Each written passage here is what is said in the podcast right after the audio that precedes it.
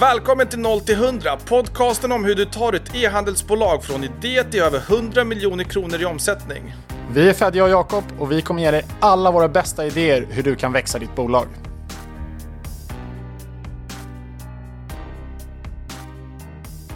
Då är vi tillbaka med ett nytt avsnitt av 0 till 100 och vi är en bra bit in i julhandeln. Hur känns det?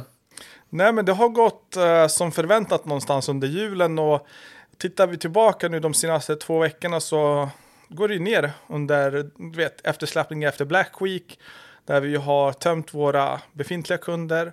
Och sen börjar det öka någonstans under andra, tredje, fjärde när folk börjar inse att jag måste köpa julklappar.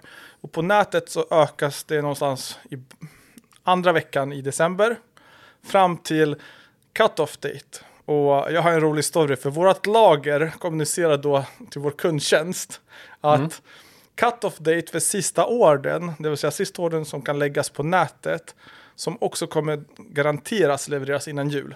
Kan du gissa när de säger att det ska vara? Vi, vi fick faktiskt en från vårt lager att de sa 13 december. Jag vet inte, vad, vad har ni hört? Ja, men det var något sånt. Det var något helt absurt. Det var liksom igår, 13 december. Och jag tänkte, nej men det här, det här går ju inte. Vad fan håller ni på med? Eh, och då kommer de tillbaka med måndagen, för mig att det blir 18 december. Det kan nog ungefär stämma. Och eh, på måndag så säger de att ja, med sista orden klockan 12, 18 december om några dagar. jag bara nej, nej, nej, nej, nej, det här går inte heller. Kom tillbaka med ett realistiskt datum. Vet du hur mycket ordrar vi kommer förlora? Om alla andra näthandlare har 20 eller till och med 21 om du expressar för 21 blir torsdagen, veckan innan jul.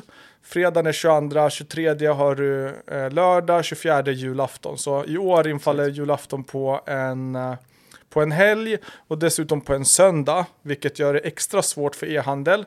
För då måste du leverera många dagar innan jul. Och vi vet från fysisk retail att de bästa dagarna är 23-24. Folk är ute i sista minuten i stor utsträckning och vill köpa spontant köpa julklappar för man blir eh, folk blir sjuka, familjekonstellationerna förändras, eh, någonting händer i sista minuten, man blir bortbjuden på julafton som man inte haft planerat och man måste köpa någonting spontant eller så har man bara skjutit upp det, prokrastinerat hela julen. Men cut-off-daten är ju en, en sån grej som behöver kommuniceras på sajten. Och det är därför både jag och du är angelägna om att få reda på när är sista datumet som vi kan garantera julklappar i tid. Och då har vi fått nu i alla fall 20 december och det är någonstans rimligt. 20 december är absolut rimligt. Eh, vi, vi är en så pass modern familj så att både jag och min fru har eh, föräldrar som har nya partners. Så att vi firar ju julafton i år 22 december, 23 december, 24 december Oj. och 25 december. Nej. För det är en med vardera förälder. Nej, är det sant? Absolut. Oh, wow. Så vi har en intensiv julperiod. Okej, okay. så för er är det okej okay att uh, sista cut-off-datum på Juniper blir 13 då? Absolut. Nej, men nej, vi, vi har också fått förflyttat faktiskt till, eh, till i alla fall själva julveckan eller vad jag ska kalla det för. Men om du försöker få tag på mig 26 december så kommer jag ligga utmattad eh, av, av all julmat tror jag. Så att eh, du får vänta ett par dagar. Du får nästan hålla barnen hemma den, hela den veckan för att undvika att de blir sjuka i någon influensa för att sen hamna i att du missar fyra julmiddagar. Exakt. Exakt.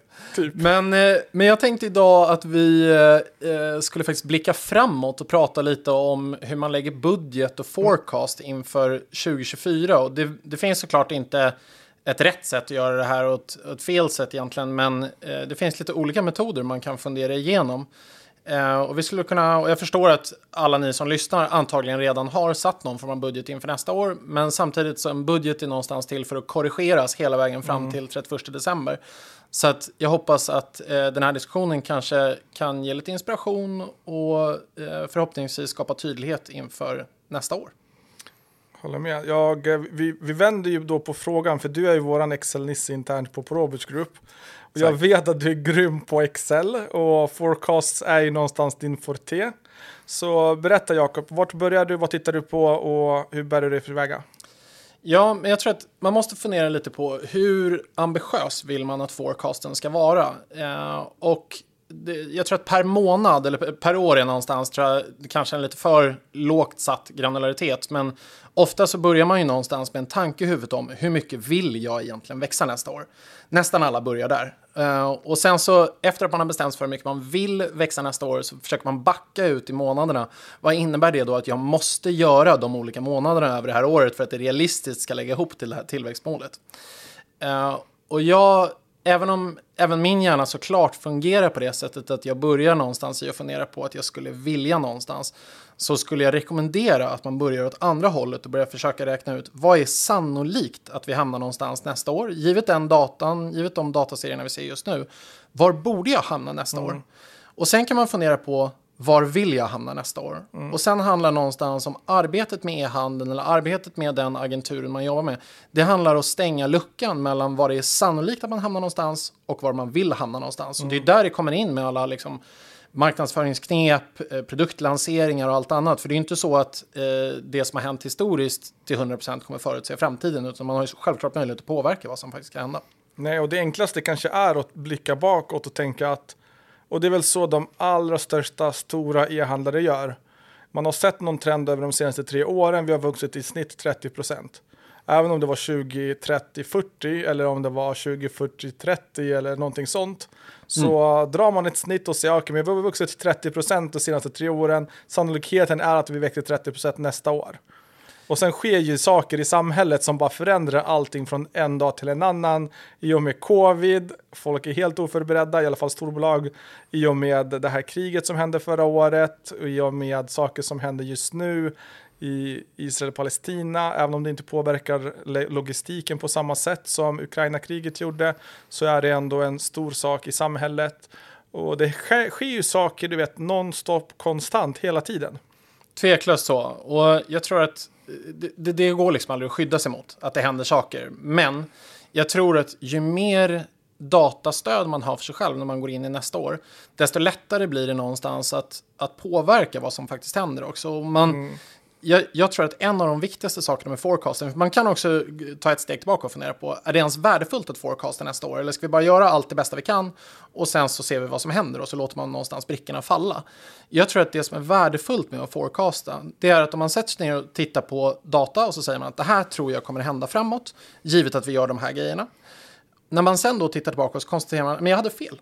Eh, jag vet till exempel att när vi, när vi gick in i november så sa jag om eh, Mockberg att det kommer komma tusen återvändande kunder. Men jag kan konstatera att jag hade fel. Det kom fler än tusen återvändande kunder. Och då måste jag ju någonstans gå tillbaka till min modell och fundera på, okej, okay, vad var det som jag gjorde som var fel i mina antaganden och hur kan jag korrigera det inför nästa gång som vi ska ha en Black Week med, eller en, en novembermånad med Mockberg så att det blir rätt nästa gång. Mm.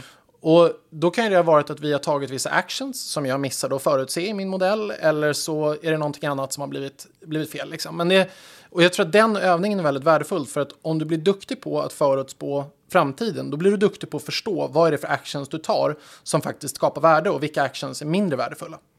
Ja, faktiskt. När, vi, när det kommer till just Mockberg, det är ändå en kul anekdot för att vår partner, vår kollega här, Domantas, som driver kontot, som är partner med mig och dig Jakob, han forecastade ju november redan ett år innan då. Eller december 2022 mm. och sätter det typ på kronan och vi pratade ändå om en ökning på flera hundra procent. Och att sätta november som är så långt fram i tiden nästan på kronan och öret, det är galet. Det, det, är galet. Det är en väldigt stark gissning får man nästan säga när det är så långt innan. Men... Jag vet, för det hade ju verkligen inte något datastöd i Lifetime eller i Shopify eller i återvändande kund som vi kunde prognostisera utan vi såg ungefär på trenden. Vi såg på ungefär hur många drops som kommer nästa år och vi projekterade ungefär och det är klart att om det är hundra olika drops i snitt så kommer du ju få rätt på hur mycket du säljer. Även om de här svarta stensmyckena eh, kanske inte säljer lika bra som vi hade hoppats så kommer någonting innan ha sålt mer och någonting innan det har sålt ännu mindre och mm. någonting innan det sålde jättebra. Och saker och ting trender i olika perioder, speciellt för ett varumärke som säljer klockor och accessoarer. Men det är ändå så kul att man sätter sin forecast så precis. Verkligen. Nej, men eh, det, det är helt fantastiskt. Och när vi, då, när vi då tittar in mot 2024 så det jag skulle råda alla att göra egentligen, det är att titta och bygga forecasten först med att estimera antalet återvändande kunder som kommer komma tillbaka. Uh, och det finns, om man är ett brand som växer någorlunda konsekvent, alltså typ 30% per år eller liknande, och nykundsanskaffningen och de återvändande kunderna har legat i någon form av liksom relation till varandra över en längre tid, då tenderar det att vara väldigt, väldigt lätt att forecasta hur många återvändande kunder man kommer få nästa år. Eh, jag skrev en lång LinkedIn-artikel om det här, men liksom i, i grund och botten vad, eh, vad jag egentligen skulle råda då, det är att man tar ut data på hur många återvändande kunder har man fått, månad för månad historiskt. Mm. Eh, sen så tar man ett medeltal över de sista 12 månaderna och så tittar man på och säger att okej, okay, men i snitt över de sista 12 månaderna, då fick jag så här många återvändande kunder. Så drar man ut den dataserien framåt så att man, och då förhoppningsvis om man är ett brand som växer, då ökar den här dataserien för det kommer fler och fler kunder man förväntar sig återkomma. Då kommer man till någon form av hur många kunder förväntar mig som återkommer varje månad. Och sen så behöver man såklart lägga på ett lager av säsongsjustering ovanpå det där för att eh, det kommer komma fler återvändande kunder i november än vad det kommer i januari till exempel mm. för nästan alla brands. Uh, och uh, det här är en ganska bra metod för att uh, se hur många återvändande kunder som kommer. Men metoden kräver någonstans att man har någorlunda konsekvent data historiskt. För att det är ju nämligen så att för att en återvändande kund någonsin ska bli en återvändande kund så måste de först vara en ny kund. Ja. och ökar du då dramatiskt tempot som du skaffar nya kunder då kommer ju det självklart påverka också antalet återvändande kunder redan under innevarande året om man gör ett köp inom 12 månader igen. Eh, och det är där någonstans som utmaningen med eh, de återvändande kunderna uppstår. Så att Mockberg då är ett, ett gott exempel på ett brand som har ökat sin nykundsanskaffningstempo medan Juniper faktiskt har minskat sin nykundsanskaffningstempo till fördel för ökad lönsamhet och till fördel, men, men då, då med liksom nackdelen att då blir ju faktiskt de återvändande kunderna något färre för att det helt enkelt inte finns lika många mm. nya kunder som kan bli återvändande kunder. Färre i antal, men högre i procent. Ja, exakt. Så att liksom Juniper har under det här året som har gått då, eh, haft en mycket högre andel återvändande kunder i den totala försäljningen. Jättebra för lönsamheten, men självklart lite sämre för tillväxten då framåt.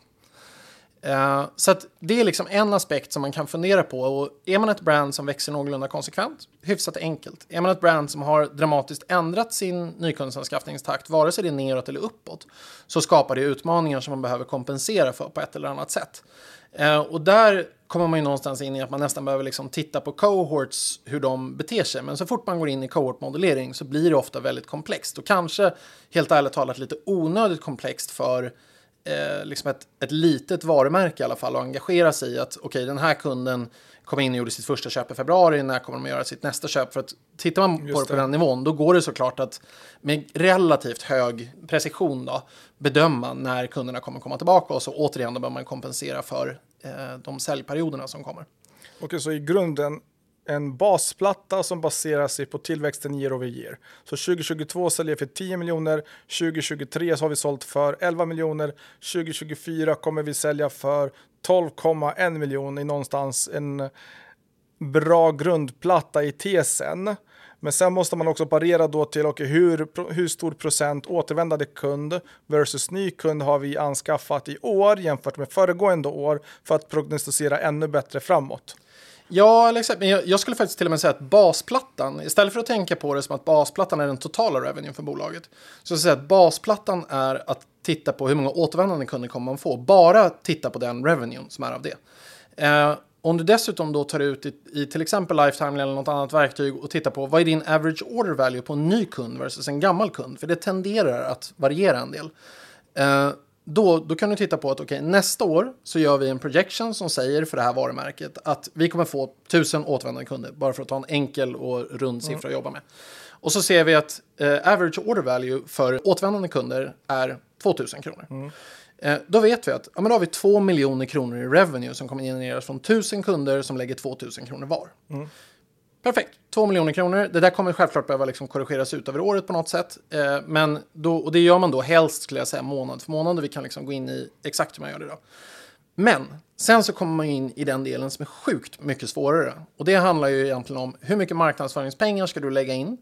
Vad kommer du få för ny kack på de kunderna mm. som du ska köpa in?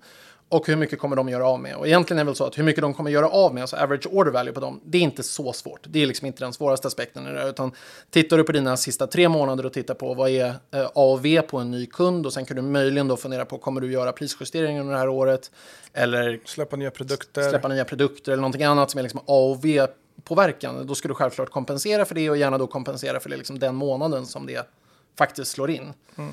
Såklart. Men eh, det är som sagt den enkla biten. Den svåra biten det är att prediktera eh, hur kommer din kack röra sig över året. Och mitt bästa tips där någonstans det är att börja lägga en, eh, liksom en tabell framför dig där du tittar på hur såg det ut månad för månad året innan. Eller till och med kanske vecka för vecka. För det kommer ju vara, framförallt när man kommer in i perioder som typ november då, så kommer ju de sista tredjedelen av november kommer se väldigt annorlunda ut från de mm. första två tredjedelarna av november. Eh, och CAC är ju beroende av, av flera aspekter. En av de aspekterna som påverkar CAC väldigt mycket är hur mycket pengar man gör av med. Vi vet alla någonstans, alla som har drivit eh, betald marknadsföring vet att trycker vi på eller tripplar vi farten på marknadsföringen då tenderar CACen att gå uppåt. Mm. Det stämmer nästan alltid. Eh, det kommer också påverkas av vad det är för säsong. Vissa varumärken har produkter som passar bättre i olika säsonger. Eh, det kommer påverkas av allmänt eh, liksom konsumentsentiment i samhället. Så att eh, har människor väldigt lite pengar på disponibelt så kommer, man, kommer antagligen din kack tryckas uppåt i någon utsträckning. Såklart. Och det kan säkert påverkas av, av andra aspekter också. Men jag tror att det där är liksom några av de aspekterna i alla fall som är, är viktiga. Nu har vi pratat mycket om en datadriven forecast-modell som är baserad på återvändande kund så att du har en basplatta i den som du nämner. Du har baserat in eh, på kacken, hur den ser ut, om du ska släppa saker, om du inte. Jag tenderar någonstans att ha en, en erfarenhetsdriven forecast-modell. Du började någonstans med att säga vart vill du vara? och sen jobbar du baklänges. Och mm. det tycker jag någonstans är ett scenario som jag gillar att jobba efter. För att jag gillar att göra det omöjliga. Det vill säga hitta på ett sätt att halvera kacken. Istället för att datadrivet se, okej okay, visst, vi ser att vi kommer öka spänn nästa år. Teoretiskt så borde kacken öka med 5% Det blir också dyrare att synas på Meta eller det blir dyrare att synas på TikTok om det är vår nya kanal. Teoretiskt så borde det blir dyrare för oss. Men då tänker jag istället, okej, okay, hur gör vi någonting som vänder helt upp och ner på det här? Låt oss klura på det i några veckor och sätta en helt ny alltså en ny kundanskaffningsstrategi. För 2023 för Anderskin så var ju det definitivt året för influencer marketing. När alla andra drog handbromsen och, och sa att influencer marketing inte fungerar längre, då tredubblade vi våra budgetar och gick all in på influencer marketing medan vi bromsade på eh, paid social som har varit våran core kundanskaffningskanal tidigare. Och istället har vi paid social som support där vi stödjer runt de här dropsen som vi har varje månad för influencer marketing. Och det har vi gjort nu ett år och jag vet att marknaden är så pass liten i Sverige att det finns inte så mycket influencers att skala upp längre. Så nästa år måste vi göra någonting helt annorlunda. Så mm. då går det inte att titta på okay, hur mycket kunder har vi, hur mycket kunder vill vi ha, eh, hur ser nykunskapskostnaderna ut? För att det går inte att skala upp på den typen av marknadsföringsaktiveringar. Och då tittar jag, jag sneglar ju mycket på out of home och OH som det heter, du vet offline mm. kan man säga nästan, clear channel typ av reklam du ser på stan, eh, paid tv eh, när du tittar på en iPad, eh, YouTube, andra kanaler som vi inte riktigt har bemästrat på Under Your Skin men som definitivt kan göras på ett bra sätt. Jag tycker att många varumärken, speciellt de här stora drakarna och och stora jättarna som Procter Gamble och liknande, de är lite, ja, de gör lite som de alltid har gjort. De har inte anpassat de nya sociala trenderna in i den typen av kanal. Och det har inte D2C-bolag heller gjort för att det är en mer komplicerad kanal att anpassa sig för och även optimera längst vägen. Och då tänker jag att där kan det finnas en stor uh, potential att jobba med under 2024. Så nu, nu spoilar jag lite vad vi kommer göra. Men uh, det är någonting som jag har sneglat länge på och tänkt att den dagen som det blir dyrt att kunna göra kundanskaffning på vårt sätt, då ska jag utmana de traditionella drakarna på deras sätt. Och det är någonstans, det är klart att det är lite tummen och pekfingret hur, hur hårt blåser vinden. Kommer kacken vara 50 eller kommer kacken vara 500? I don't know. Kommer kacken vara 5000 kanske? Så att vi får ju testa oss fram och se hur det går. Och jag sitter ju och tänker på de här stora puckarna hela tiden. Kan vi göra en ny viral annons? Kan vi ha en nytt take? Eh, vi hade den storytelling-biten och sen har vi haft UGC-biten och sen har vi haft någonting annat och sen har vi haft det tredje. Nu hade vi under Black Week för bara några veckor sedan en, en kanonidé om en viral annons där folk fick screenshotta sina rabattkoder som flög över skärmen. Den totaldominerade Black Week-kampanjen under hela veckan. Så pass att vi var tvungna att även när vi ökade rabatterna på fredagen, fredag, lördag, söndag, så var vi ändå tvungna att behålla den annonsen vi hade kört hela veckan. Så mm. att det finns ju olika sätt. Jag, brukar, jag ser inte det här i magkänsla eller något styrt, utan jag kallar det för erfarenhetsdriven forecasting, där man jobbar utifrån, okej, okay, hur an anser jag att månaderna kommer se ut framåt. För när du växer i en enorm hastighet, när du växer över 30, 40, 50 procent och det fluktuerar mycket mellan månad till månad, år efter år, då är det väldigt svårt att sätta någon datadriven forecasting ifrån Lifetimely. För rätt som det är så hittar du nästa hit på Facebook Ads eller Out of Home och så har du en kundanskaffningskostnad som håller sig låg under x antal veckor och då är det bara att maximera. Nej men, nej men 100 procent. Och jag, jag, tror att eh, liksom min, min idé med att sätta en datadriven forecast, det är inte att man ska säga att det här kommer vara sanningen framåt, utan någonstans blir utmaningen snarare att man säger att det här är det som är sannolikt att hända framåt. Nu ska vi gå ut och försöka slå vad som är sannolikt att hända framåt. Eh, och det jag egentligen råder då människor att göra det är att man tar ut sin nya kack per månad. Och när vi säger ny kack, då tar vi alltså eh, alla marknadsföringskostnader, influensmarknadsföring, betald marknadsföring via SoMe, sms, vad det nu kan tänkas vara, eh, och delar det endast på nya kunder.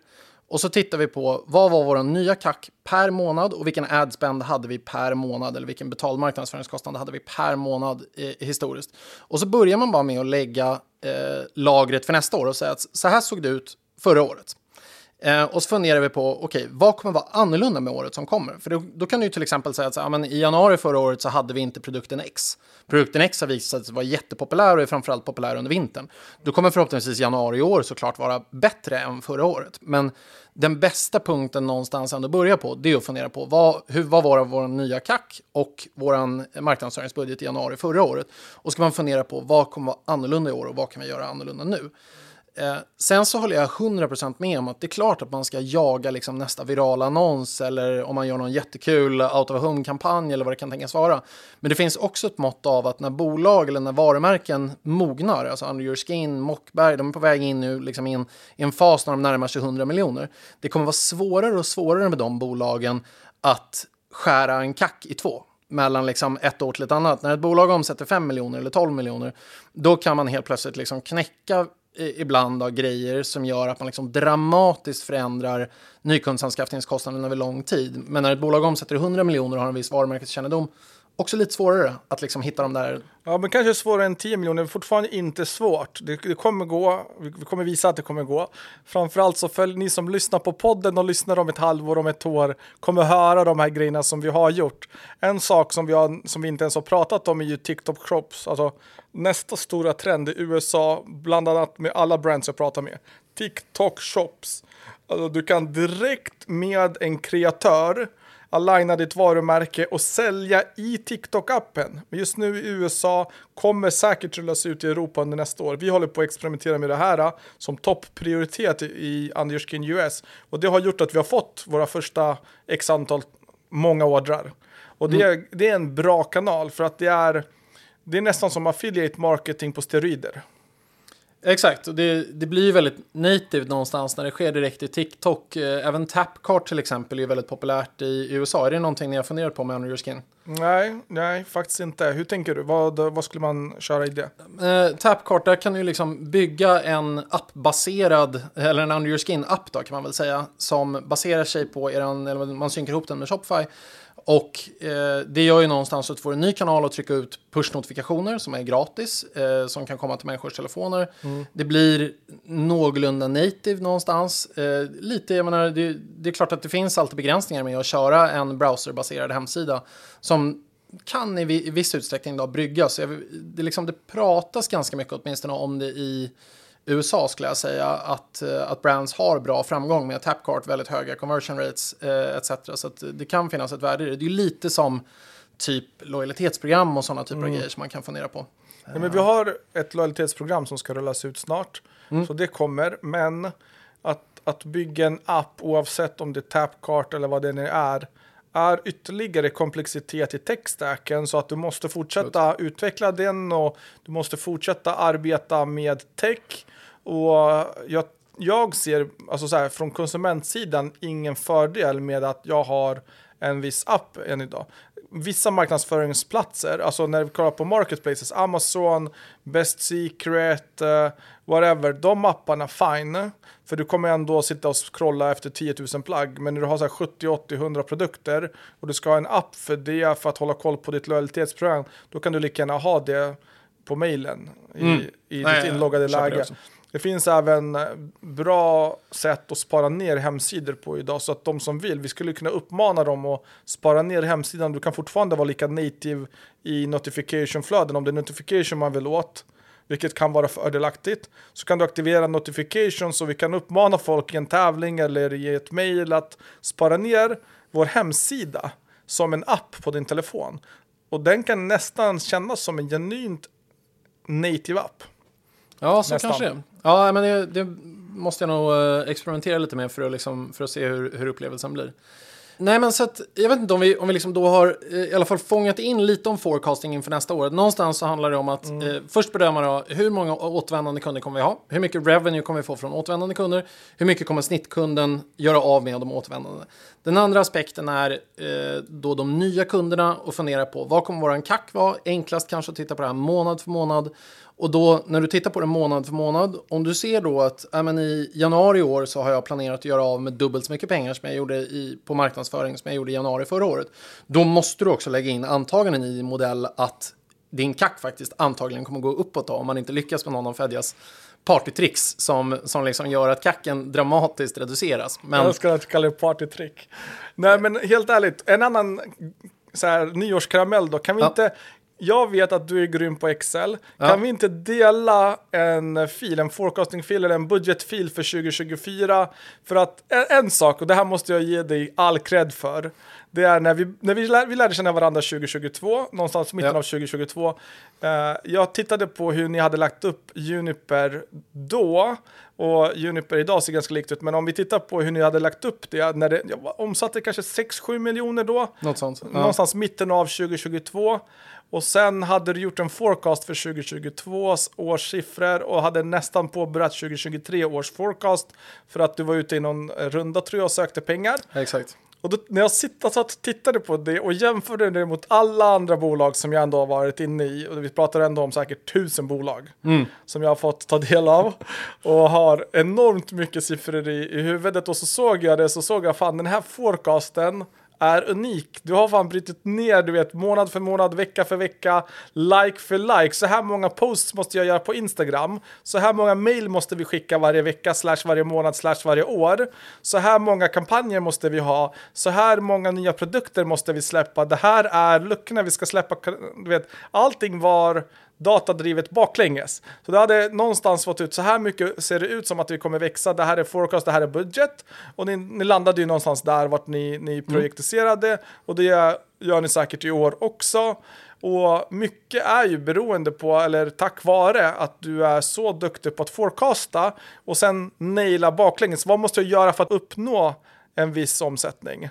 Exakt, för det, det ska man verkligen ha tydligt för sig att liksom, forecasting är ju lika mycket en övning i eh, projektion av framtiden som sen en övning i execution för att den här forecasten faktiskt ska leva upp. Det är ju inte så att november magiskt växer med 30% bara av sig självt, utan det kräver ju sen att du tar en, en hög med actions. Liksom. Och sen är det klart att kan man uppnå den typen av grejer som, som du nämner, där det liksom dramatiskt förändrar, då är ju förhoppningsvis så ska den dramatiska förändringen vara positiv och då blir man ju i regel bara glad. Det är mycket roligare att slå sin forecast än tvärtom. Såklart. Eh, så att, nej men absolut, jag kan, jag kan absolut sätta upp en forecast-fil som är månadsbaserad som vi skulle kunna dela. Eh, vi, vi kanske har något LinkedIn-gig av det så att alla som, alla som lägger en kommentar på LinkedIn, de, de får den här forecast-filen skickade till sig. Och det jag faktiskt håller på att fundera lite på att göra nu, det är ju några dagar kvar, jag har inte liksom riktigt tagit tag i det än, men det är att bryta upp det första kvartalet så att forecasten inte är på månadsbasis utan istället på dagsbasis.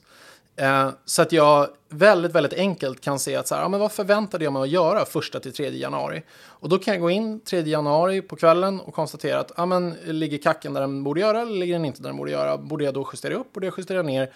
Vad har jag fel i? För jag kommer ju, liksom, det, det kan jag säga också att alla ni som jobbar med forecasting, ni kommer konstatera att ni har sjukt mycket fel hela tiden.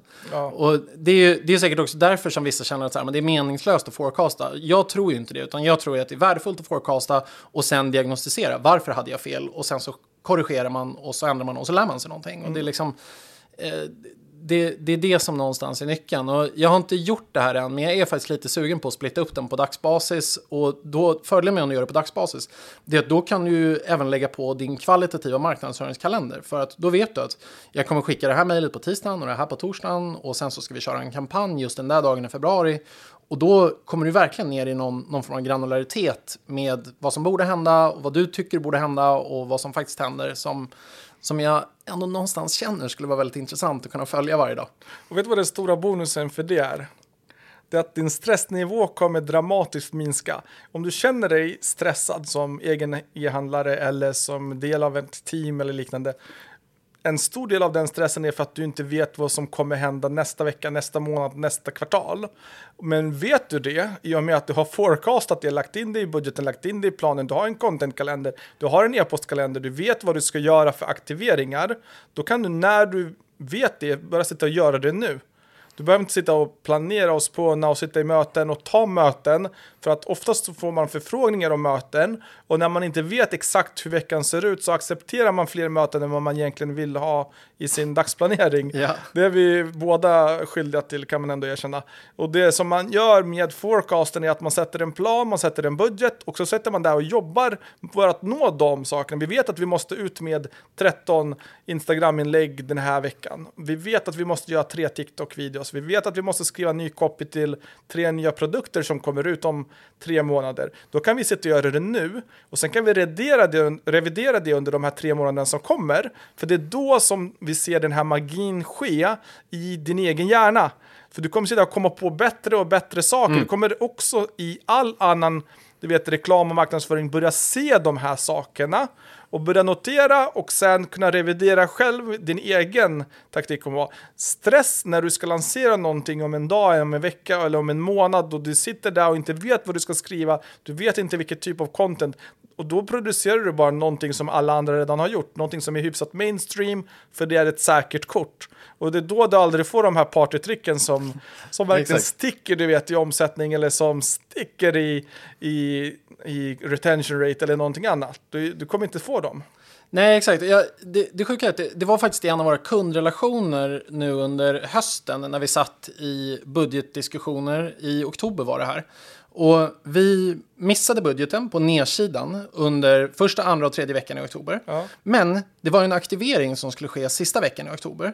Och jag sa det första veckan att don't you worry, liksom, vi ligger 25% bakom budget efter en vecka och sen så gick det en vecka till, vi låg 25% bakom budget igen. Okay. Och jag sa flera gånger att det är ingen fara, vi liksom, det är förväntat att vi ligger 25% bakom budget de här första veckorna. Och det ledde ändå till liksom väldigt jag vet inte, negativa diskussioner någonstans. Att vi låg så långt bakom budget. För att budgeten var satt på månadsbasis. Och ja. sen så någonstans så var veckobudgeten då bara liksom en ja, bara en matematisk konsekvens av vad var månadsbudgeten. Eh, det. Men det gjorde att vecka 1, 2, 3 var överskattad och vecka, 3 var, eller vecka 4 var underskattad. Men det slutade med sen att vi stängde oktober långt över budget.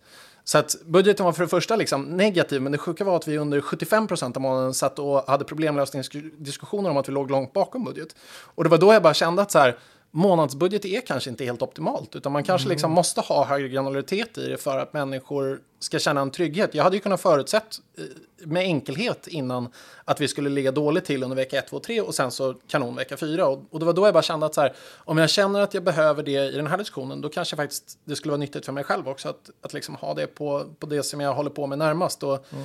Juniper är ju en sån här grej att jag, jag har inte möjlighet att lägga jättemycket tid på Juniper, men då är det ganska skönt att ha siffror att förhålla sig till, för mm. då går det ganska snabbt att se, ligger vi där vi borde ligga, ligger vi inte där vi borde ligga? Och då kan jag liksom på en halvtimme, timme med relativt hög eh, precision bedöma om vi, om vi ligger bra till. Mm.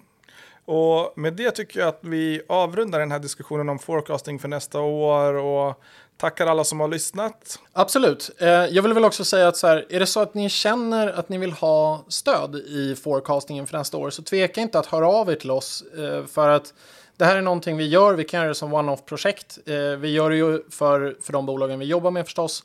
Uh, och nu kommer vi åt, åt lite två olika håll. Fedja, Fedja gör lite på sitt sätt, jag gör lite på mitt sätt och sen så funderar vi liksom på hur ser vi till att gapet mellan de två eh, punkterna, hur, hur fyller vi det gapet? Och det här är förstås någonting som vi även eh, kan hjälpa er med, så att, tveka inte att höra av er om ni, om ni behöver stöd.